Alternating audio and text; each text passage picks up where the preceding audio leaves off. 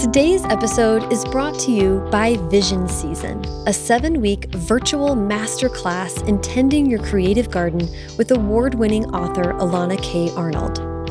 This might sound familiar to First Draft listeners, and for good reason. I've talked to the brilliant Elana K. Arnold for the show before, and her episodes are worth seeking out. I've also spoken before about Revision Season, Elana's class guiding writers through the mysterious fog of revising a novel. This new venture, Vision Season, is something different. It's for anyone who wants to know more about their creative potential and befriend the back of their brain. It's for anyone who wants to remember their past, engage with their present, and look toward their future in search of meaningful, personal creative work.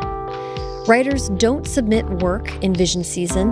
The course provides a large amount of material in video lectures, recorded conversations with guests, and written packet work that is designed to help each writer deepen and grow their creative gardens. Vision Season is broken into weekly topics like return to your early self, creative constraints, channeling pain, exploring pleasure, and more. Elana sends weekly video lectures and transcripts followed by a series of assignments designed to help you put the week's lessons into practice. Each week features a recorded conversation between Elana and an expert in the topic. A weekly live call, which is recorded if you need to listen to it later, gives writers the opportunity to engage in conversation about the work at hand and creativity in general. And a private, moderated forum provides a space for Vision Season writers to connect with and learn from each other. By the end of Vision Season, writers will have reacquainted themselves with their existing body of work, will have grown a wealth of new story ideas, and will be equipped with tools and resources to continue the forward momentum. The fall course of Vision Season will run from August 8th to September 25th. To learn more about Vision Season and to sign up for the fall course, visit elanakarnold.com.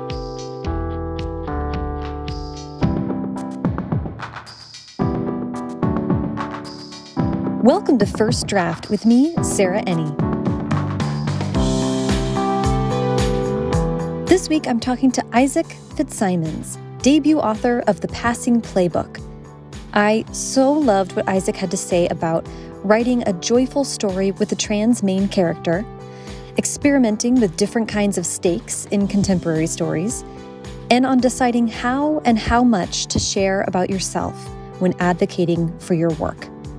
If you're enjoying First Draft and you'd like to support the show, a quick and easy way to do that is by subscribing to the podcast wherever you're listening now and by leaving a rating and review on Apple Podcasts. Ratings are amazing, but reviews get read in the credits, which is so fun for me. So be sure to head over to Apple Podcasts and leave a review for the show. You can also go to the website, firstdraftpod.com, to check out the show notes for this episode and every episode, which has links to everything that the guest and I talk about. First Draft is an affiliate of bookshop.org, so when you buy books through the links on the website, it helps to support the show and independent bookstores at no additional cost to you. At the website, firstdraftpod.com, you can also sign up for the First Draft newsletter to make sure you never miss an episode and to hear about news and upcoming events. I'm also so excited that First Draft merch is available on the website. Go to firstdraftpod.com and click on shop to see the t shirts, sweatshirts, stickers, notebooks, mugs. Also, um, as a side note, if you've been experiencing technical difficulties with the shop, I have heard you, I have fixed it. The shop is brand new, new and improved, with a lot new stuff in there as well. So be sure to go check it out, firstdraftpod.com shop. Every purchase helps to keep this show independent and free. Okay, now please sit back, relax, and enjoy my conversation with Isaac Fitzsimons. Hi, Isaac. How are you doing this morning? I'm doing fine, thanks. How are you? I'm doing well. I'm so excited to talk to you today. I'm so excited to talk about Passing Playbook, and I have questions because it's already come out. So I want to ask about how your de debut experience has been. But first, I want to lead up to that. So I, for my interviews, like to go way back to the very beginning, and I'd love to hear about where you were born and raised. So I was born in DC, and I was raised just outside the city in a suburb called Kensington. Um, it's a little mm -hmm. town. I've been in the DC area most of my life. I mean, I traveled for college and grad school, but I've always come back to the DC area. I want to hear, I, I love also asking people about how reading and writing was a part of their young life. So, what was that like for you growing up? So I was a big reader growing up and also a big writer. But the funny thing is, I don't remember the writing part. But my mom moved recently and she found a whole bunch of my old school stuff. And there was so much about like all the like, short stories that I wrote as a kid. And so I've got a like a box of them of just silly silly stories that I wrote. And even my kindergarten report card said that my favorite thing to do was going to the computer lab and writing and drawing my own stories. So obviously writing is something that I've always done, but I don't really remember doing it. Um, but That's reading, so funny. Yeah, I really remember reading. And so as a very young child, I'd read a lot. When I got to like middle school and high school, I'd read less during the school year because we had so much academic stuff and academic reading to do. But then in the mm-hmm. summer, we'd go to England and France because my mom is British, so we have family there. And then she bought a little cottage in France. And so we'd go in the summer, so we'd spend like a week in England at first with family. And the first thing I'd do is go to the bookstore near my aunt's house and just buy like 10 books, like a, a, a bunch of books. And then we go to France for a couple months. And I'm not like my French is, isn't great right now. When I was younger, it was better but like I don't read French. And it was one of those things where we didn't have internet. We got TV one like one year because it was a it was I don't know what year was it? I think it was 2013, and there was this huge heat wave, or maybe it was, it was either the heat wave or it was the floods. It was one year mm-hmm. where there was really extreme weather and we couldn't go outside, so we got TV, but it was obviously French, and so there was really nothing else to do in the house besides like entertaining myself with reading. So that was when I did the bulk of my reading. I just read mm. all the mm. books I, I bought that summer. And I have um, such great memories of that time of having no responsibilities, just sitting outside in on like the porch and reading. Uh, yeah, that I what a dream. I'm like, I want to go to a French cottage and just read all summer. That sounds absolutely wonderful. Um, that is so interesting that you were a somewhat prolific writer, but you don't really recall it. I mean, to me, that that sort of says that it was just sort of ingrained, you know, that it was just something you did. And so it didn't feel remarkable to be doing it, you know, that seems like how we categorize those early memories. I read that you had done fan fiction of Bunnicula. Yeah, so that's a story I found. it, is, it is accurate. that was that was first grade, and I have that story because I found it. I was really glad that I found it. Um, and we had something called the writers' workshop, basically like it, it, felt like hours. It was probably like 45 minutes. I don't know. But we could mm-hmm. just write whatever we, we, wanted. And I did some educational psychology and I like did t- student training. And so with the kids that I worked with, they were always given given prompts and given like told what to write and how to write it. Mm. But it wasn't like that at all for us. It was just like write a story. They didn't grade mm. us on grammar because we were six, obviously. Um, but it was just writing. And so I, I, I think my my mom had read my brother Bunnicula and I had listened to it. And so I wrote a book. It's called The Vampire Bunny. It's, it's, it's really funny that I, I didn't know it was fan fiction at the time because I didn't know what fan fiction was. But right. that's, it was based on Bunnicula and I took the same character. So it was, yeah, just Bunnicula fan fiction. I love it. I love it. It was also the first time in a minute that I've heard Bunnicula reference and I'm like, ah, oh, that was such a classic.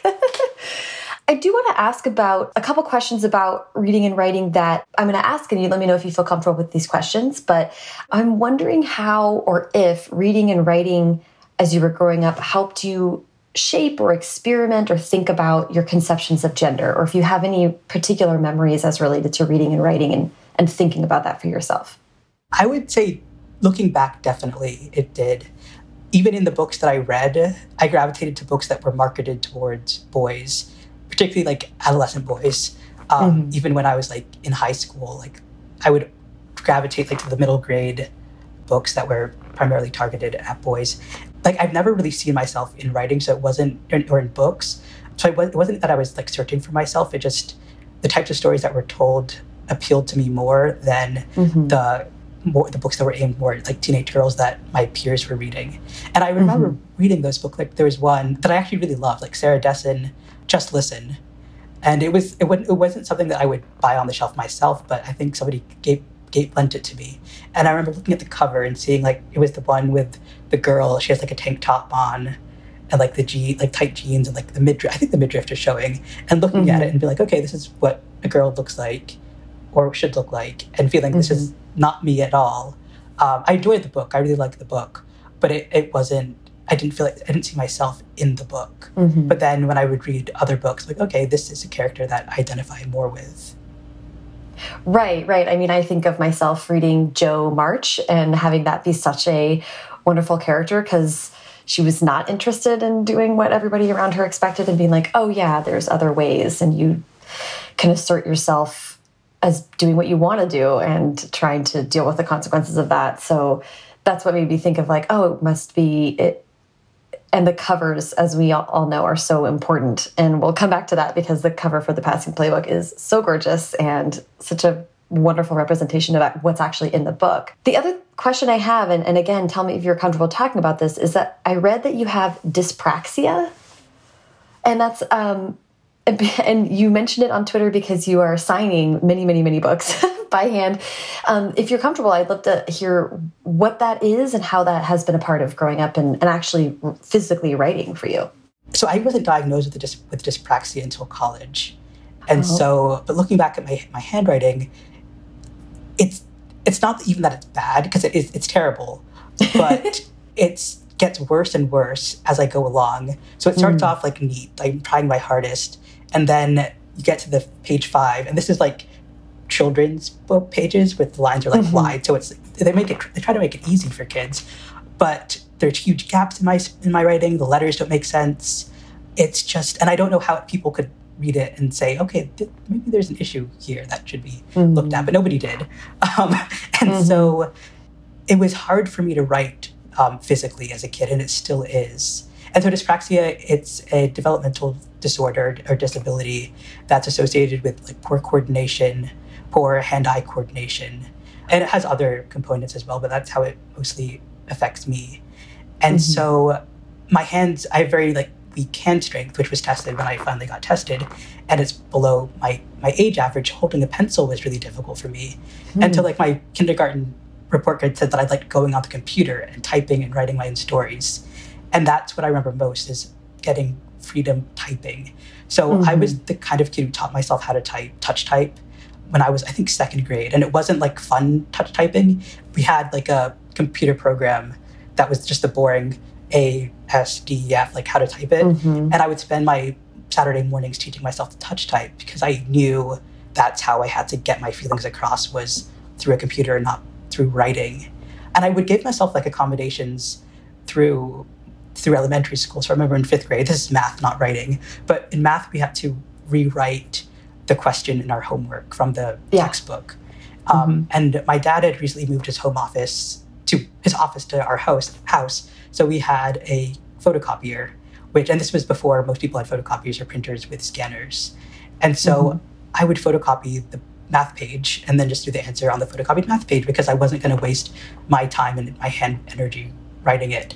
And my teacher was fine with it. Luckily, I'm sure there's some teachers who would be like, no, you must handwrite it. But I found myself, right. myself giving myself accommodations. And so I really struggled with finding a signature that I could I knew I could do reliably and quickly and wouldn't like tire out my hand. So I just decided mm-hmm. to do my first name. I'm not going to mess with Fitzsimons because it's too long. um, but I felt bad because I, I know I, I, I've received signed books, and a lot of the time authors write these long, lovely messages. And I knew that I just wouldn't be able to do that and keep it up. So I'm just I'm just doing my name. If you want a personalization, I'll do the personalization, like the two name. But then I felt like I need to let people know that it's not because I'm busy or I don't care. I'm just too have too much to do, too much to sign. It's actually a disability. Yeah. I can't physically sign that amount of books with if I do a personalized signature. Right. And so when I went to college, um, it was actually Daniel Radcliffe. He's also dyspraxic, and he had done an interview about it. And I was reading the interview, and I was like, this sounds a lot like me. Um, mm. And so I told my mom, and my brother, he has his own learning disabilities, and so he went to a school for kids with learning disabilities. So she was in the the, the know about that. And I went to a mm-hmm. school, and they they gave me gave me an assessment. And it's one of those things where it helped me to to kind of accept all of my the difficulties that I have, um, mm-hmm. because there are things that are easy for other people that are very difficult for me that shouldn't be difficult mm-hmm. based on like my age and my development, but they are. Mm-hmm. And so it's been being able to just be like, yeah, I'm just practicing. There's some things that I can do, some things that I can't do, some things that are mm-hmm. just harder for me to do if I choose to do them. It's been really freeing. Yeah, I, I love like having a name for something and an understanding of what like it's not just you this is something that happens and other people are dealing with it as well. That's like really powerful. And thank god you know you're living in the time of computers when we can go a different way and, and things can be easier. Okay i would love to talk about college and what you decided to study post high school and also where and when creative writing kind of came in in a more serious way into your life. So like i said i've always liked writing. I in, in high school i did the ib program and the International Baccalaureate. And part of it, mm-hmm. you have to do, is it 50 hours? I think 50 hours of like creativity, 50 hours of service, and 50 hours of physical stuff. And so for my creativity, one of the things that I chose was a creative writing course at the Writer Center in Bethesda. And so it was for teens, and I did that that course for like maybe six weeks or something. I wrote, I think, a couple chapters of a, of a story that I haven't picked up again, but it was actually like not bad. Looking if I if, if I could find it, I'm sure um, the writing isn't terrible. In high school, again, I did another creative writing course, and we did poetry and short stories and like flash fiction, which was fun. But I never really thought that writing could be a career for me. Mm. And so in high, in college, I majored in psychology and I minored in education and communication sciences and disorders, which is like speech language therapy. Mm. And I didn't really know what I wanted to do with my with those degrees and with the rest of my life. With communication sciences and disorders, I had my own clients and I really enjoyed working with kids, but I didn't mm-hmm. know if I mm-hmm. wanted to be a speech language um, pathologist. With education, I've always been interested in education, partly because of my experience like being failed by the education system, and then also because my brother and his learning disabilities. I was interested in education, but I knew I didn't want to be a teacher because they possess a skill set that I do not have, um, mm. and they're incredible. And so I went into educational psychology for my graduate degree, and that was in Seattle. In college, I also did a creative writing course, but that was kind of just more for fun. But in grad school, I found myself having a lot of free time, which is funny because you would expect to have a lot of work, but because I, would always kind of in school, I'd like push myself academically, did extracurriculars. So like from like 7:20 to like I don't know eight o'clock at night, I was like at school and then doing homework afterwards. So in mm-hmm. grad school, I didn't have that, and I had I found myself finding time to a read more and kind of catch up on the fiction that I like the young adult and middle mm. grade fiction that I missed out on when I was in high school and college, and then also write. So I decided to do uh, the July Camp NaNoWriMo, and I wrote a draft of a really bad. Well, actually, I don't know how bad it is it's pretty bad. um, like I mean, the first I, I don't think it made it, but like the first thing I wrote, like the character is looking at himself in the mirror. So it was like uh. one of those like basic basic writer mistake. But it was a middle grade historical fiction. I began to kind of research more about what a writer's what a career as a writer would be and what I need to do. And mm-hmm. so I like looked into querying. I joined forums and started reading queries, learning more about agents and just kind of things like that, and looking at craft then after grad school, and I, when I got my first job, I started writing um, in my free time. Mm-hmm. Okay, that's so interesting. So I'm so interested that when you had free time and were able to read, you naturally gravitated back towards kidlit and and books for for um, kids and teens, and you were also working with kids. Was that kind of what brought it to mind, or had you always been? I mean, it sounds sounds like naturally you just wanted to go back to to reading that kind of fiction. Yeah, I think it happened naturally. It's, that's the type of fiction that I sort of gravitated to. And it, it really changes like depending on my mood and what I'm, what I'm into at the moment. But at that time in my life, I and also that was when I was when I started transitioning in grad school, and mm-hmm. so I was like going through like second adolescence, and so going back to that time, probably thinking about it now, speaking it out loud, it makes sense that mm-hmm. I kind of went back to um, an adolescence that I missed out on. Yeah, that does. That's so interesting. And I mean, was there, you know, we talked about kind of covers with like these traditional quote unquote female representations. When you came back and were going through that yourself of reorienting thoughts of gender and your own experience, were you finding books that spoke more to your experience or were you finding more rich young adult and middle grade literature? there were a few books. There were just like of books written with trans characters that I'd read. I think one's called I Am J. I Am J. I can't think of other titles, but I definitely seek those out um, mm-hmm. or sought those out. I don't know which one is right. Um, I, I, looked for, out for them and tried to find them, but they were more they were difficult to find because they weren't um, published by like traditional publishers.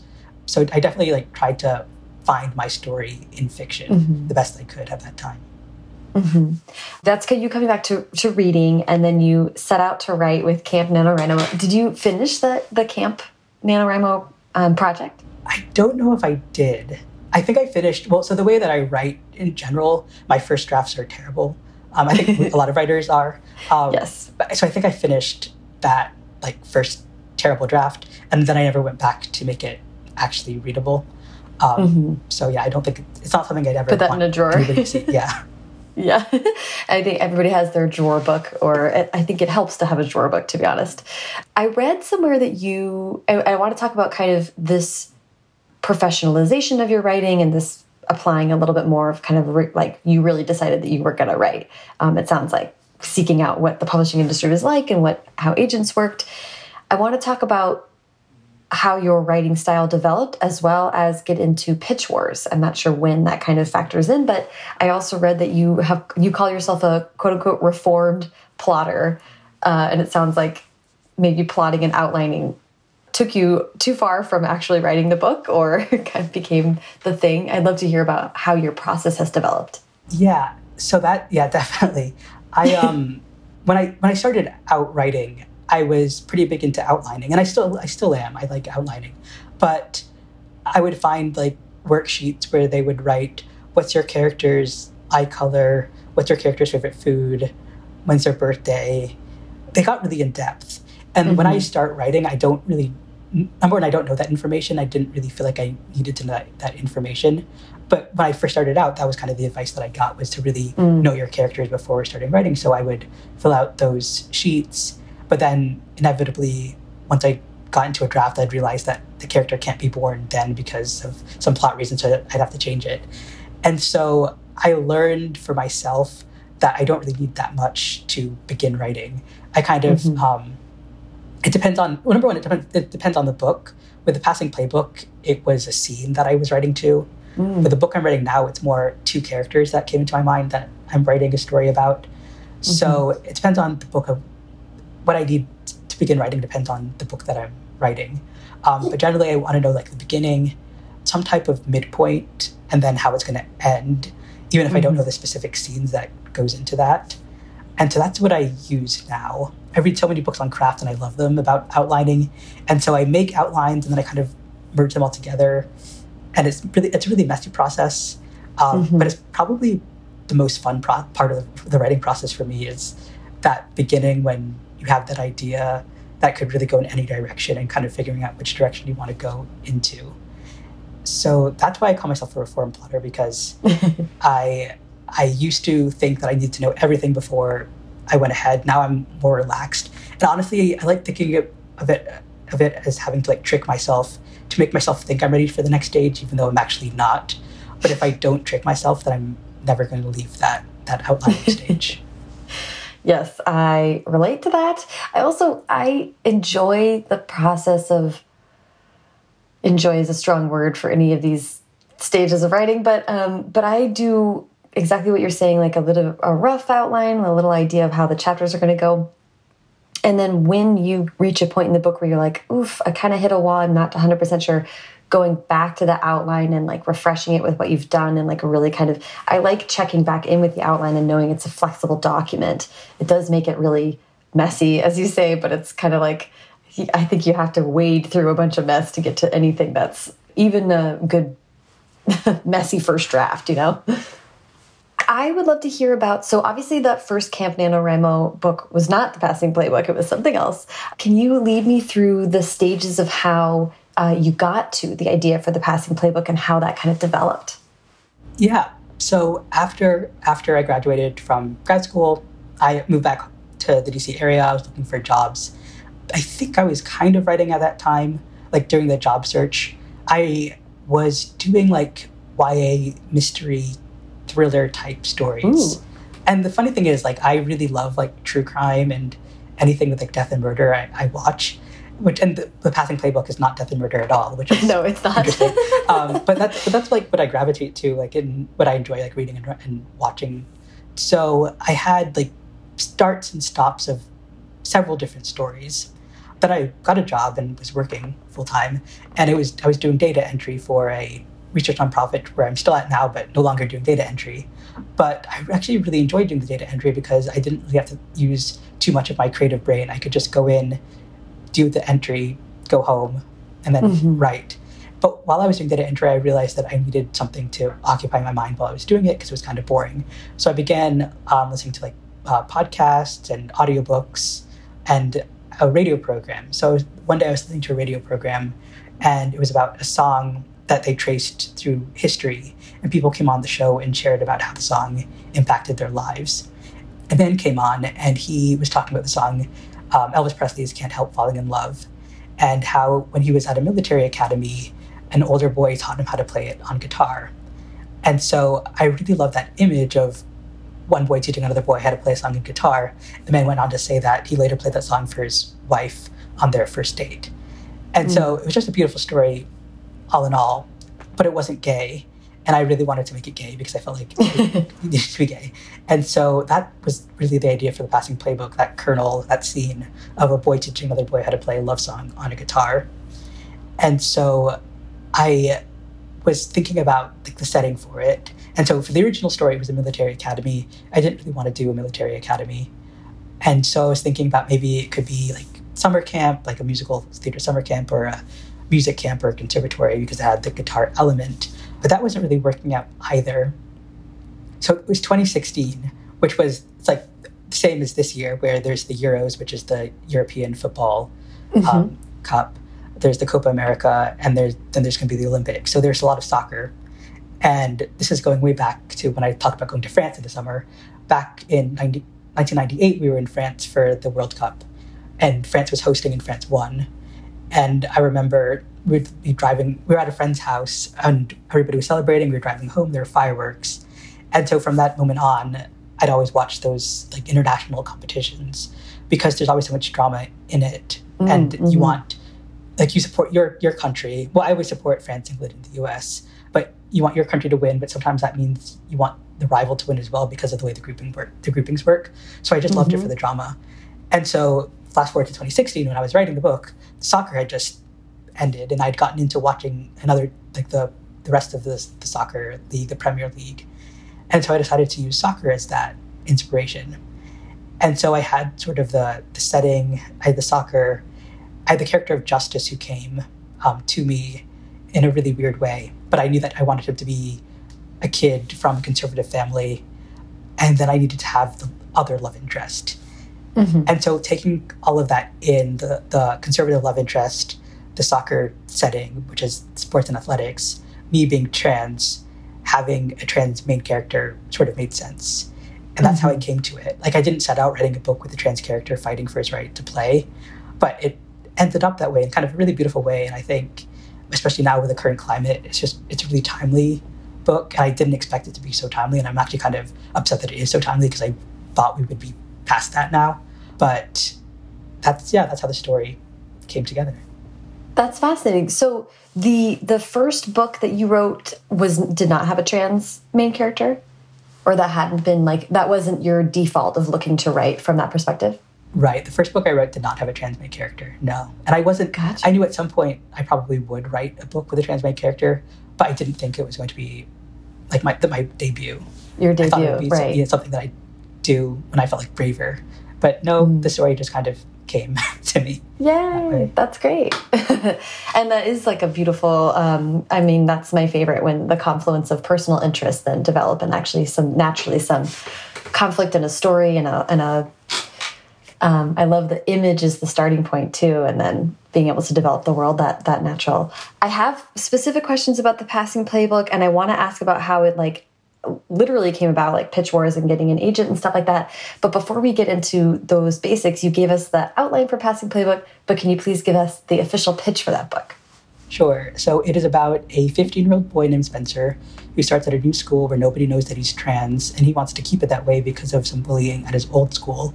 But then he joins the soccer team and everything's going well until he gets benched because his coach finds out that his birth certificate still says female. So he has to decide whether to come out and fight the ruling or stay stealth. But coming out would mean coming out to everyone, including the teammate he's falling for. Staying stealth would mean he'd have to watch the rest of the uh, season on the sidelines. Nice, good job. so that's the like, hardest part of any interview is that pitch. It is. it is. Sometimes, sometimes I ask people to pitch books that came out years ago, and they're like, "No." I would love for you to kind of lead us through. You had this idea, this beautiful confluence of personal things that led to the outline for Passing Playbook. How did the book develop? And I'm, I'm particularly just interested in how Pitch Wars was a part of that because I know that's something a lot of our my listeners will be curious about or, or participating in themselves. Yeah. So I found out about Pitch Wars back when I was in grad school, diving into the possibility of actually writing as a career. And so I would follow like the Twitter. I'd go to the watch the showcases, and I was like, one year I'm going to try to do Pitch Wars, and so the like a, like a couple years went by, and I hadn't had a manuscript ready for it, and then um, I guess 2017 I was like, okay, this is the year I'm going to get this manuscript written because I had the idea for the Passing Playbook before, and I felt that mm-hmm. this was a book that sort of had legs that could actually move and could be a real book. And so I kind of like worked really hard to get it in a, in a state that was uh, ready for pitch wars, and I applied.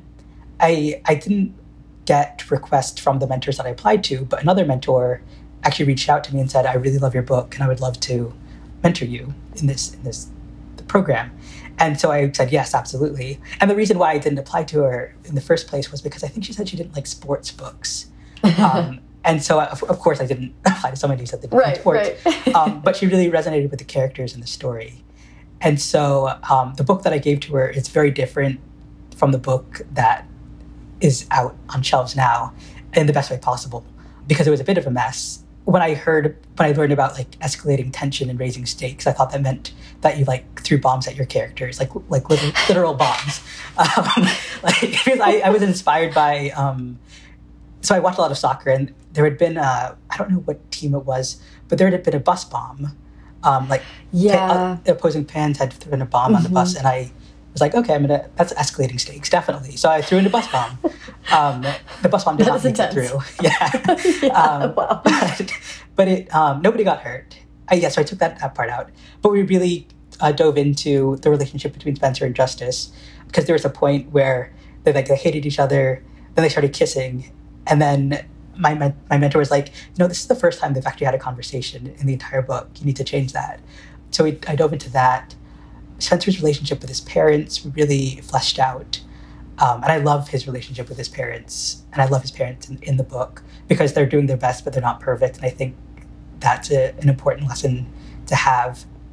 I published the book up, did the pitch wars showcase, the agent showcase, and I think I got about like 13 requests, which which wasn't like huge. Like I was like in the middle.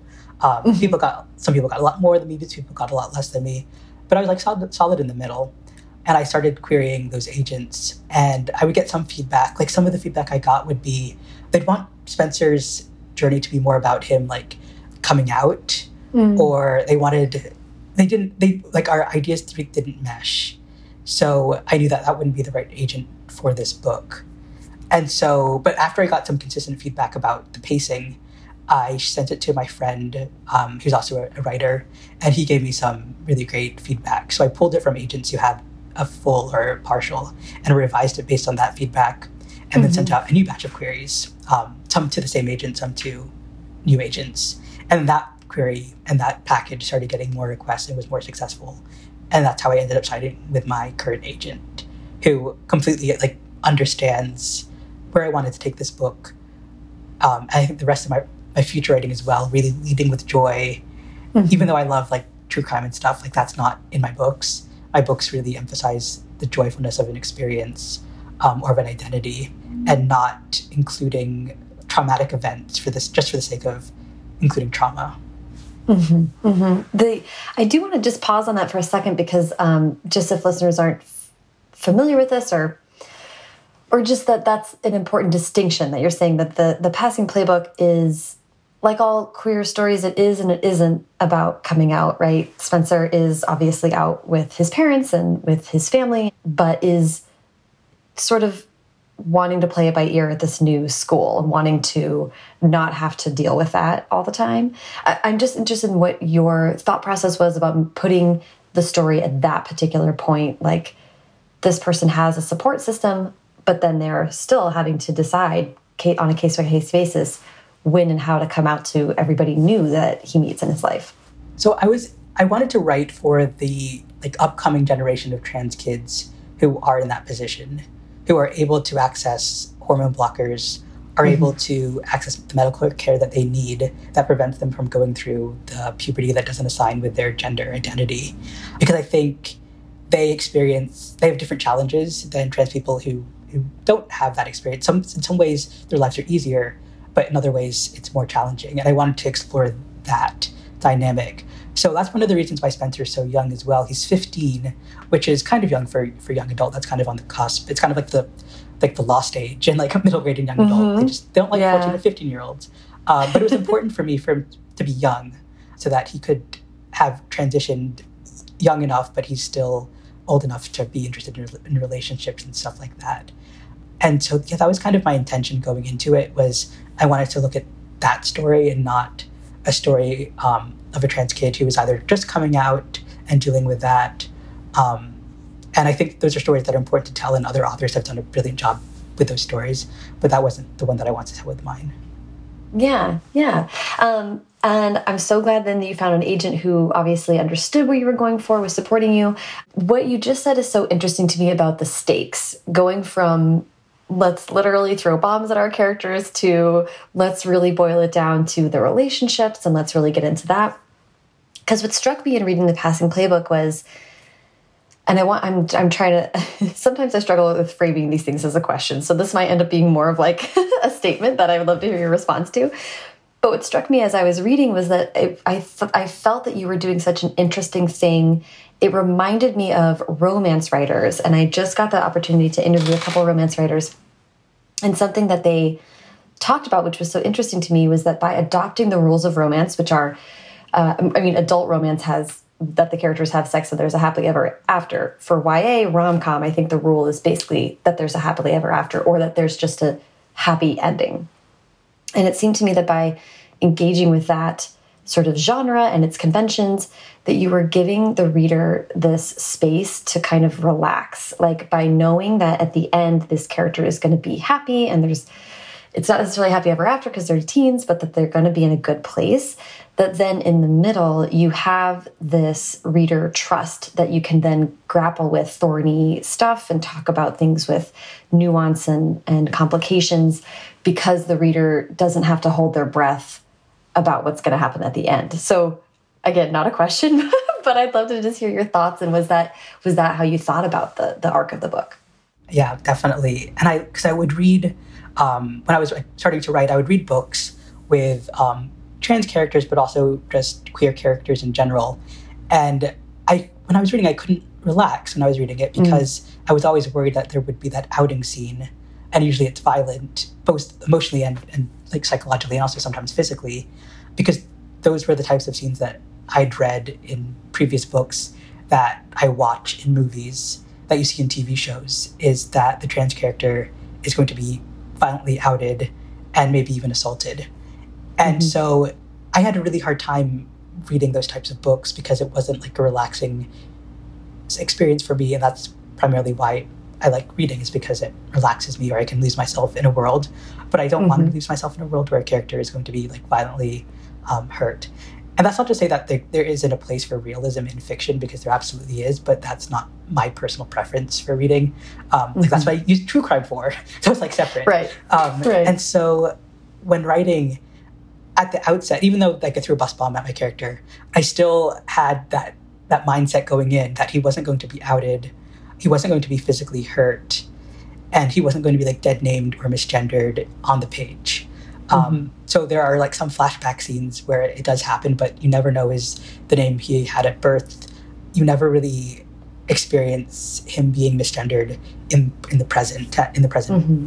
action, and that was completely intentional because I didn't want trans readers to go into that into the book and see that played out.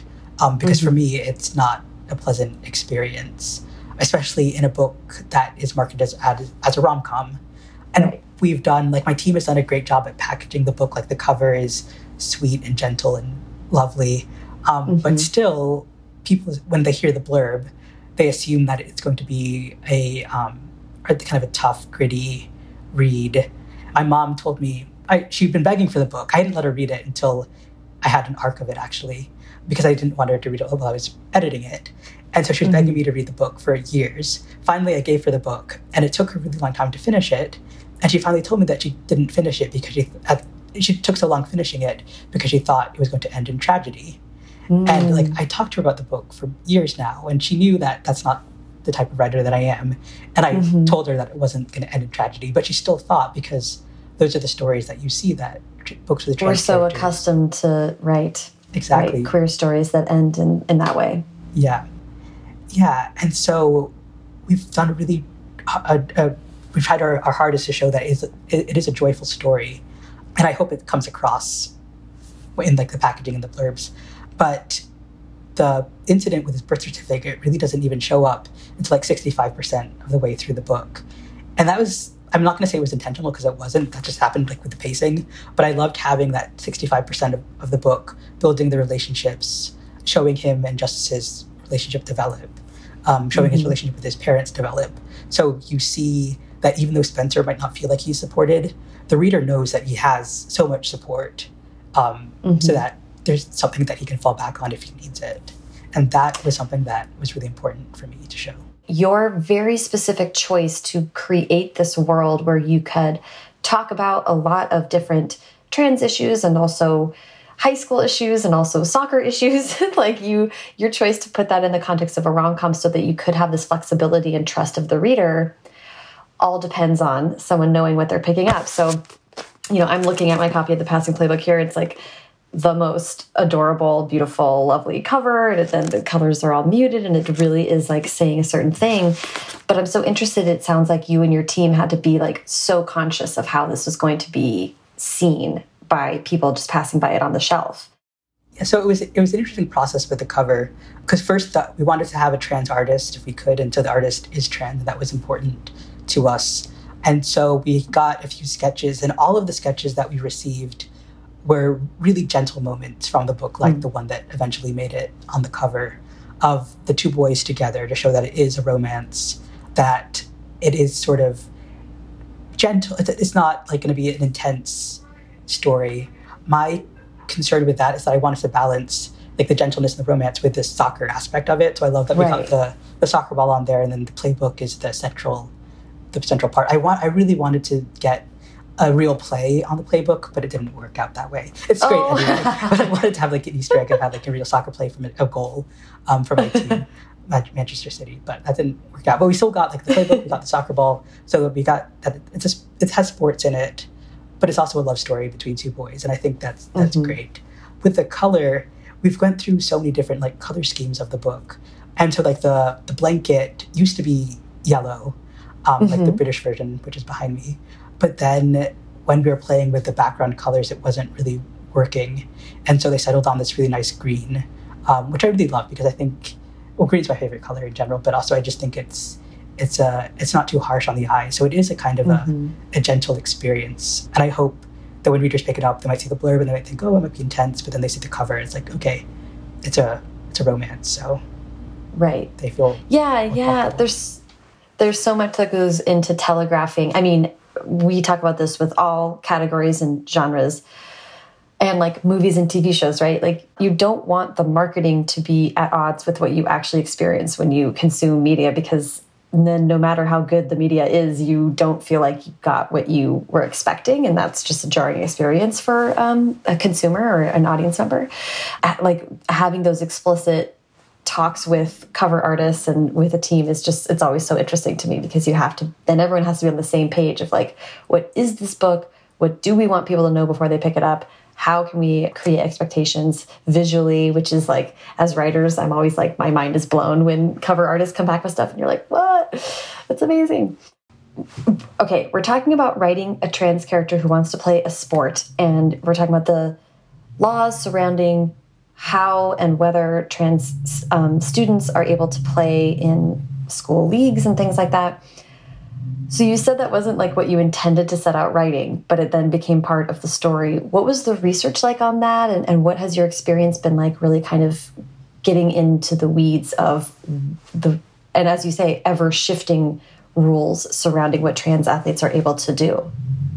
So I started off sort of reading memoirs, looking at articles of actual cases of trans athletes being discriminated against. And so um, I think the, the, first one I found was probably Jazz Jennings. And mm-hmm. so mm. Jazz, um, I mean, she had she had a I don't know if it's still going, but she had like a show on TLC. She's written a book, and she's a pretty well known young trans activist. And so she had an experience in her memoir about joining the soccer team as a kid and then not being allowed to play because she's trans and the fighting that she had to, to go through. Another one was Mack Beggs, who was a wrestler who um, was forced to wrestle on the girls' team, even though he was trans and had transitioned.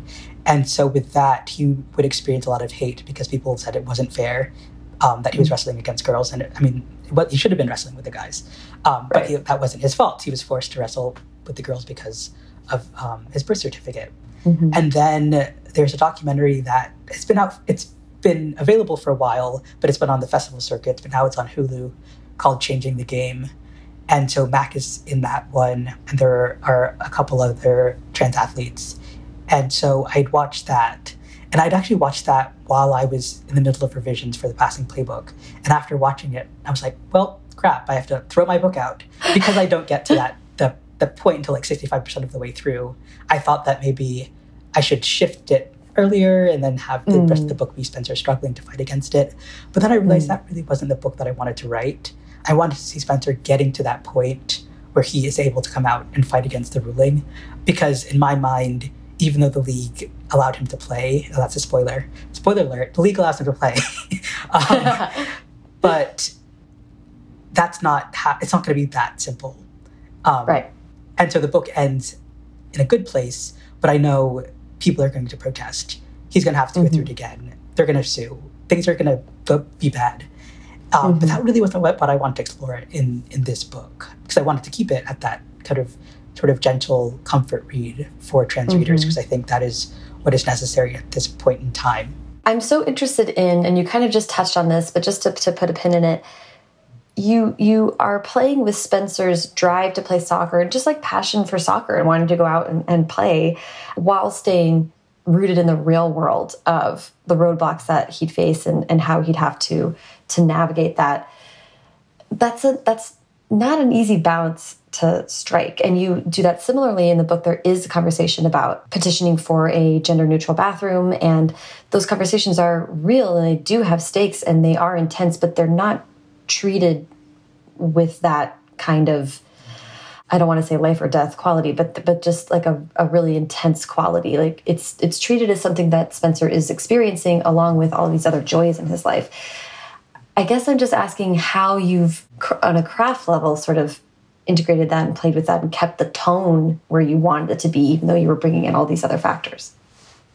I think that was something that I worked on with my editor, in that we wanted Spencer being trans to be sort of more salient in certain points and less salient at other points. So it wasn't like he was waking up and having his breakfast cereal and being like, "Oh, it's a great day to be trans."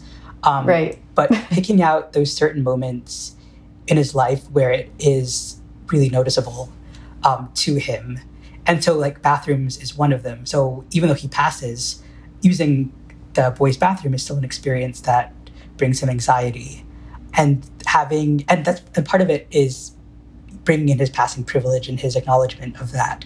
So having a character like Riley, who's non-binary, mm-hmm. was a way to show Spencer's passing privilege and how he can use it to help other trans students. Mm-hmm. That's kind of how how we approached it. I I think I think that's the best way of how to approach it is having that sort of foil to Spencer, him mm-hmm. who is mm-hmm. so um, he, he's confident in his identity at, at the beginning of the book and throughout the book, while Riley is still sort of coming to their identity and Spencer mm-hmm. can be um, sort of a mentor to them. There's this wonderful quote from you that I just wanted to see if you had um, thoughts or wanted to expand on. where you said, For Spencer, there's two aspects of his love for soccer that I drew on. First, he craves the validation of being on the boys' team. And second, and more significant in my opinion, when he's playing soccer, he feels completely in control of his body, which is important for the development of all teens, but especially for transgender teens. I thought that was such a, like, of course, the physicality of sport and soccer is so resonant for Spencer's exact journey of where he is in his life and development. Yeah. Um, so, so like, I think I can go back to be not being athletic at all. Um, so I, I've had to find other ways to like appreciate my body and like see my body as like valuable and um, and powerful. And so for Spencer, soccer is that way. That's the way that he he feels validated in who he is. And so going back to the current like the anti-trans laws, you see these kids like you see videos of these kids like playing with their friends, succeeding and excelling and learning that hard hard work and teamwork. And to the idea that you're going to or that people want to um, limit that or eliminate that for these kids. Like it, it, makes no sense to me. Like there's a great quote, quote from uh, Changing the Game. I think it's a school administrator who says that high school sports shouldn't be about winning. It should be about like that teamwork and that relationship building and that and learning hard work. And I think that's mm-hmm. so true. And then going deeper into trans kids specifically, learning how to use your body in a healthy and powerful and productive way is so important for them. And so I wanted that to come through for Spencer. So it's not just, um, I mean, this is, I, I had a character that I cut, sadly, who was a, uh, a girl who had played on Spencer's old team because I wanted, I didn't want to show that Spencer didn't want to play with the girls because he doesn't think girls can be good at soccer because that's not it at all. He wants to play mm-hmm. on the boys' team because he's a boy. Um, mm-hmm.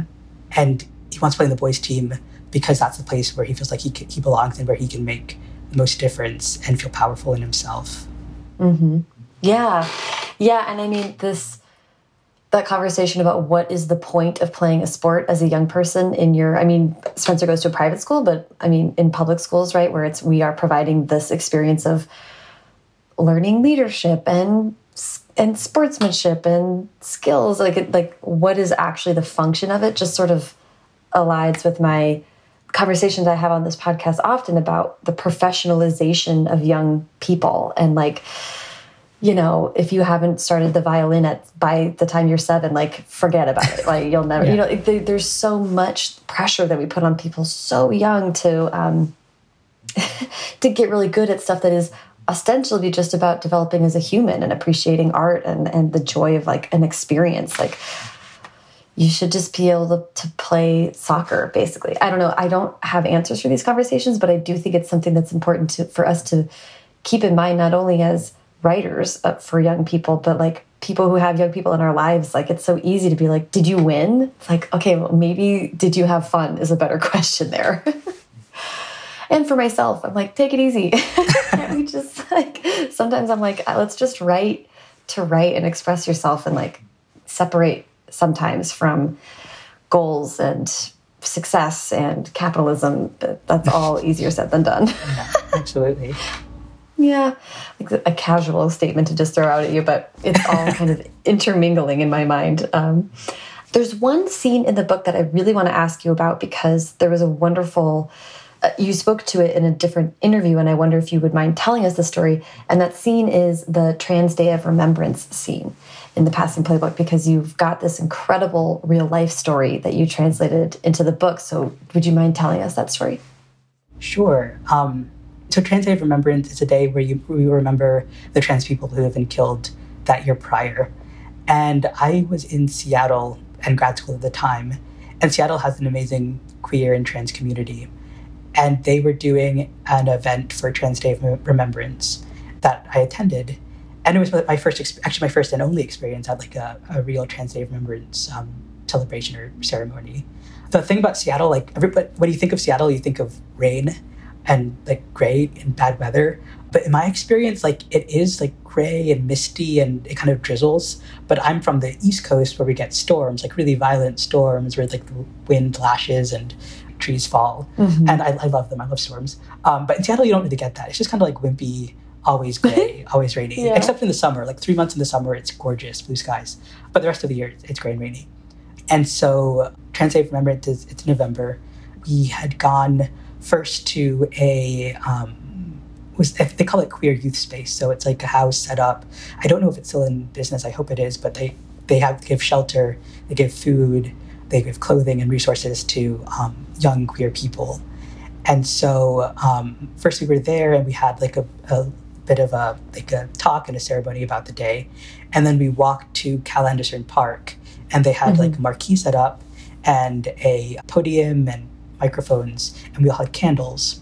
And we were supposed to well light our candles and then someone would stand at the podium and read out the list of names of the people who had died. And so it starts raining as we're walking to the marquee and it's not like the typical seattle rain it's like it's coming down in sheets like it's, it's pouring down and there is wind. And this is just very not typical in my experience in seattle. And so we get to the marquee and they begin reading the names and the microphone cuts out. And so we're all kind of like shielding, shielding our candles from the wind as well. And the organizers, instead of like not doing anything, they decide to pass around the sheets of paper. And so like it's a big stack of paper because it is the name mm. of every person and, and where they come from, of the people who who died. And so they pass around the sheet of paper and we all read, read a name out loud and we pass it to the next person. And there are probably like 50 or so of us in, in that moment.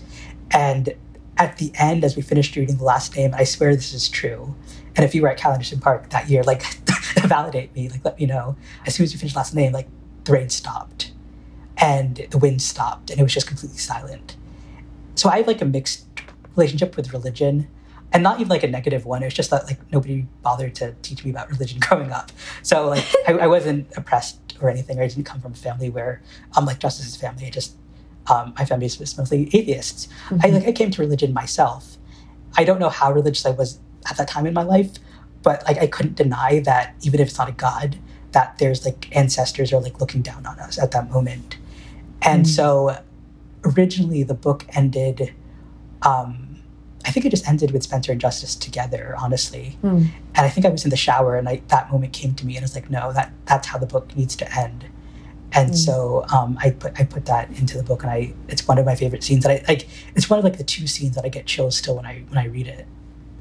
Yeah, I mean, it was so powerful to read it, and then to hear that it was based on a lived experience you had is like, yeah, one of those moments where real life and you know fiction can just pale in comparison to these real experiences.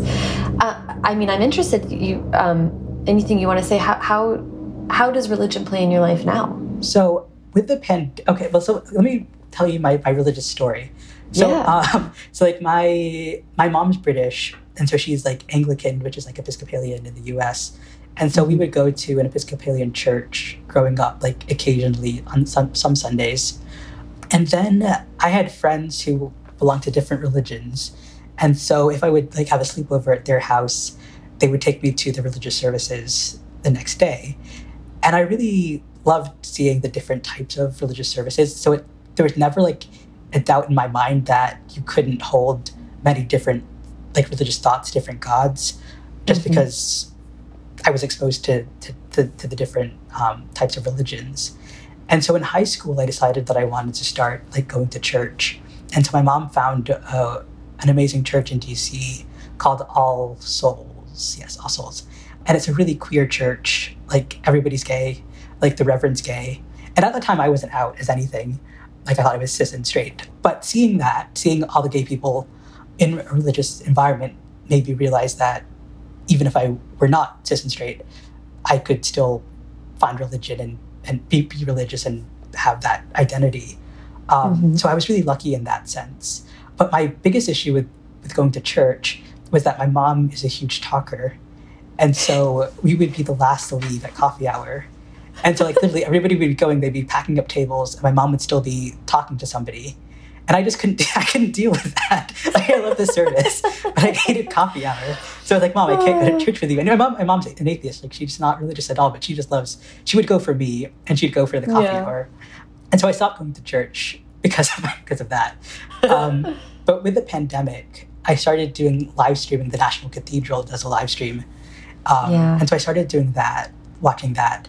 And I'm not like uh, I took in, in college. I took a course on on biblical studies, but it was more looking at it as like a, a historical text and interpreting mm. it in that lens, and looking at all the ins- inconsistencies in the stories and why that might be and who the intended audience was. So it was more mm. like of an academic analysis as opposed to this is what you should believe, and that's kind of how I approach it.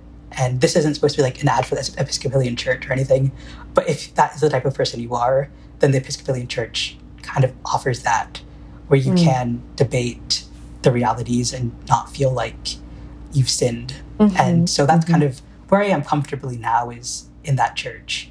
I probably won't go to, I might go to physical um, services when they start up again, but I like doing the, the Zoom, no happy hour, and then done. Right. Um, so that's, right. that's where I am. I read an interview where you said something I tell interns who I work with at my day job is to listen to Vienna by Billy Joel when you feel like you don't know what you're doing with your life. Yeah, yeah, absolutely. because we do uh, do an intern like they meet with all the different departments and we give them advice. And I don't know when I started saying that, but I just felt like with with some with some people, especially like, like, like young college kids who like seek out internships that they're probably like a type A, more of a type A person, um, mm-hmm. probably more likely to get stressed out if things aren't going the way that they think it should because mm-hmm. they want they, they've been told from a young age that these are the steps that you need to take in order to be successful. One of those mm-hmm. steps is to have an internship.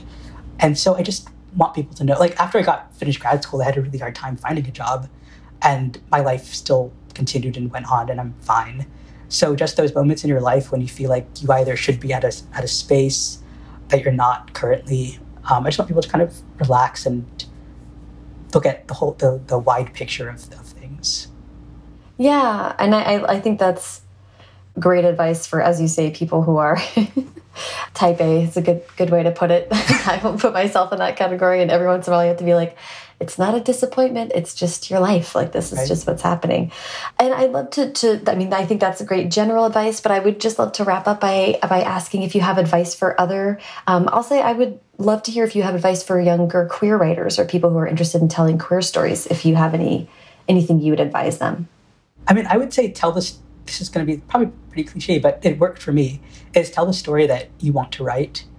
And you might not know it that's the story that you want to write at the beginning but just keep digging and uncovering more things because that's that's how i got to the passing playbook and i don't mm. think if i had continued writing a story that didn't have so much of me in it at the beginning i don't think my debut would have been so impactful mm. so i mean I'll obviously like read widely consume widely i mean i got my idea my idea for the book from a podcast not yeah not mm-hmm. podcast from a radio show and so ideas come from all different places. And I think the wider you read and consume, kind of the more you can, I don't want to say steal, but kind of steal ideas and transform it and mold it to how uh, to make it work for the genre that you write in. Um, so I think read, write, and then write the story that's in your heart, um, but also be protective of yourself. You know, because I made the decision when I, even when I did pitch wars, I made the decision to to claim to come out as a as a trans writer because I kind of felt that pressure that I had to because I know the own voices um, mm-hmm. thing that that's been going on, and it felt right for me at that point. But if it doesn't feel right for you, don't feel pressured to to come out if you're not ready. Um, so kind of that's a, a lot of advice, but yeah, take take it or leave but, it. Well, it. it's a lot. It's a lot of great advice. I think that's really and, and if you if you don't mind me just throwing in one last question here is is when I am getting ready to talk to someone like you, it's it's a it's something I think about that you must be struggling with, or how do I want to say this? When I prepare for interviews like this, I want to talk to you about your book and craft and writing, but I, of course, want to talk also about your experience as a trans writer and the trans character at the center of your book. But I just wonder what it's like for you to know that you are going to release a book in the world where you're going to be asked all kinds of questions. And, you know, hopefully most people are respectful about it, but you are putting yourself out there for questions that are really personal have have has that been okay for you? How did you get yourself ready for that? What what do you I would if you have advice for someone who's about to go through that too, I would I would be interested. So luckily I've been really fortunate in that everybody I've I've talked to has been pretty respectful of of like any boundaries. I mean it's funny because like I wasn't out at my day job and I never actually officially came out. I just put in the chat, my book's coming out next week, come to my event. and obviously, like they read the description, and if they wanted to like learn more, they could. Mm-hmm. And I, in interviews, like I don't mind saying, as a trans writer, I do blah blah blah. Mm-hmm. But it never felt like I don't want to be like in my day job. I don't want to be like the go-to trans person expected to educate people on all things trans because that is not why they hired me, mm-hmm. and that's not the role that I should have to take. And so I kind mm-hmm. of see that in in writing as well, where when the questions come from the um, the direction of the book or the character, or even like a, some about me, like the personal things that that feel re- relevant to the interview. Like I I don't really have a problem answering those types of questions, but it's definitely something to think about as a young writer how comfortable you are doing being open and how open you're comfortable being. And that's something if you have a team like you know, your agent can help you with, your publish your publicist mm. can help you with. So definitely lean on people for support um, if if you need to. Yeah, yeah, I think that's really and relying on your team, thinking about your own boundaries. I feel like you know if I was going to as someone who interviews people all the time, I do think it's important that people understand that they can say, I'm not comfortable with that question. Like, let's move on. Uh, I'm so glad that you have had a respectful experience, and I'm so grateful to have been able to talk to you today. This was such a pleasure. Thank you. It's been a lot of fun. Thank you for having me. Thank you so much to Isaac. Follow him on Twitter at Isaac Fitzy and on Instagram at Isaac Fitz Books. You can follow me on both at Sarah Enni and the show at First Draft Pod. And thank you to our sponsor, Vision Season. The fall course of Vision Season will run from August 8th to September 25th. To learn more about Vision Season and to sign up for the fall course, visit elanakarnold.com. First Draft is produced by me, Sarah Enni. Today's episode was produced and sound designed by Callie Wright. The theme music is by Dan Bailey, and the logo was designed by Colin Keith. Thanks to social media director Jennifer Nkosi and transcriptionist at large Julie Anderson.